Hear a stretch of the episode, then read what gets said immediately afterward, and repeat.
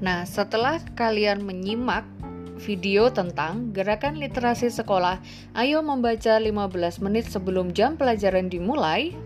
Pertanyaan yang harus kalian jawab adalah, menurut Anda, apa nilai penting membaca? Silakan meletakkan jawaban Anda dengan cara mengeklik link di bawah ini.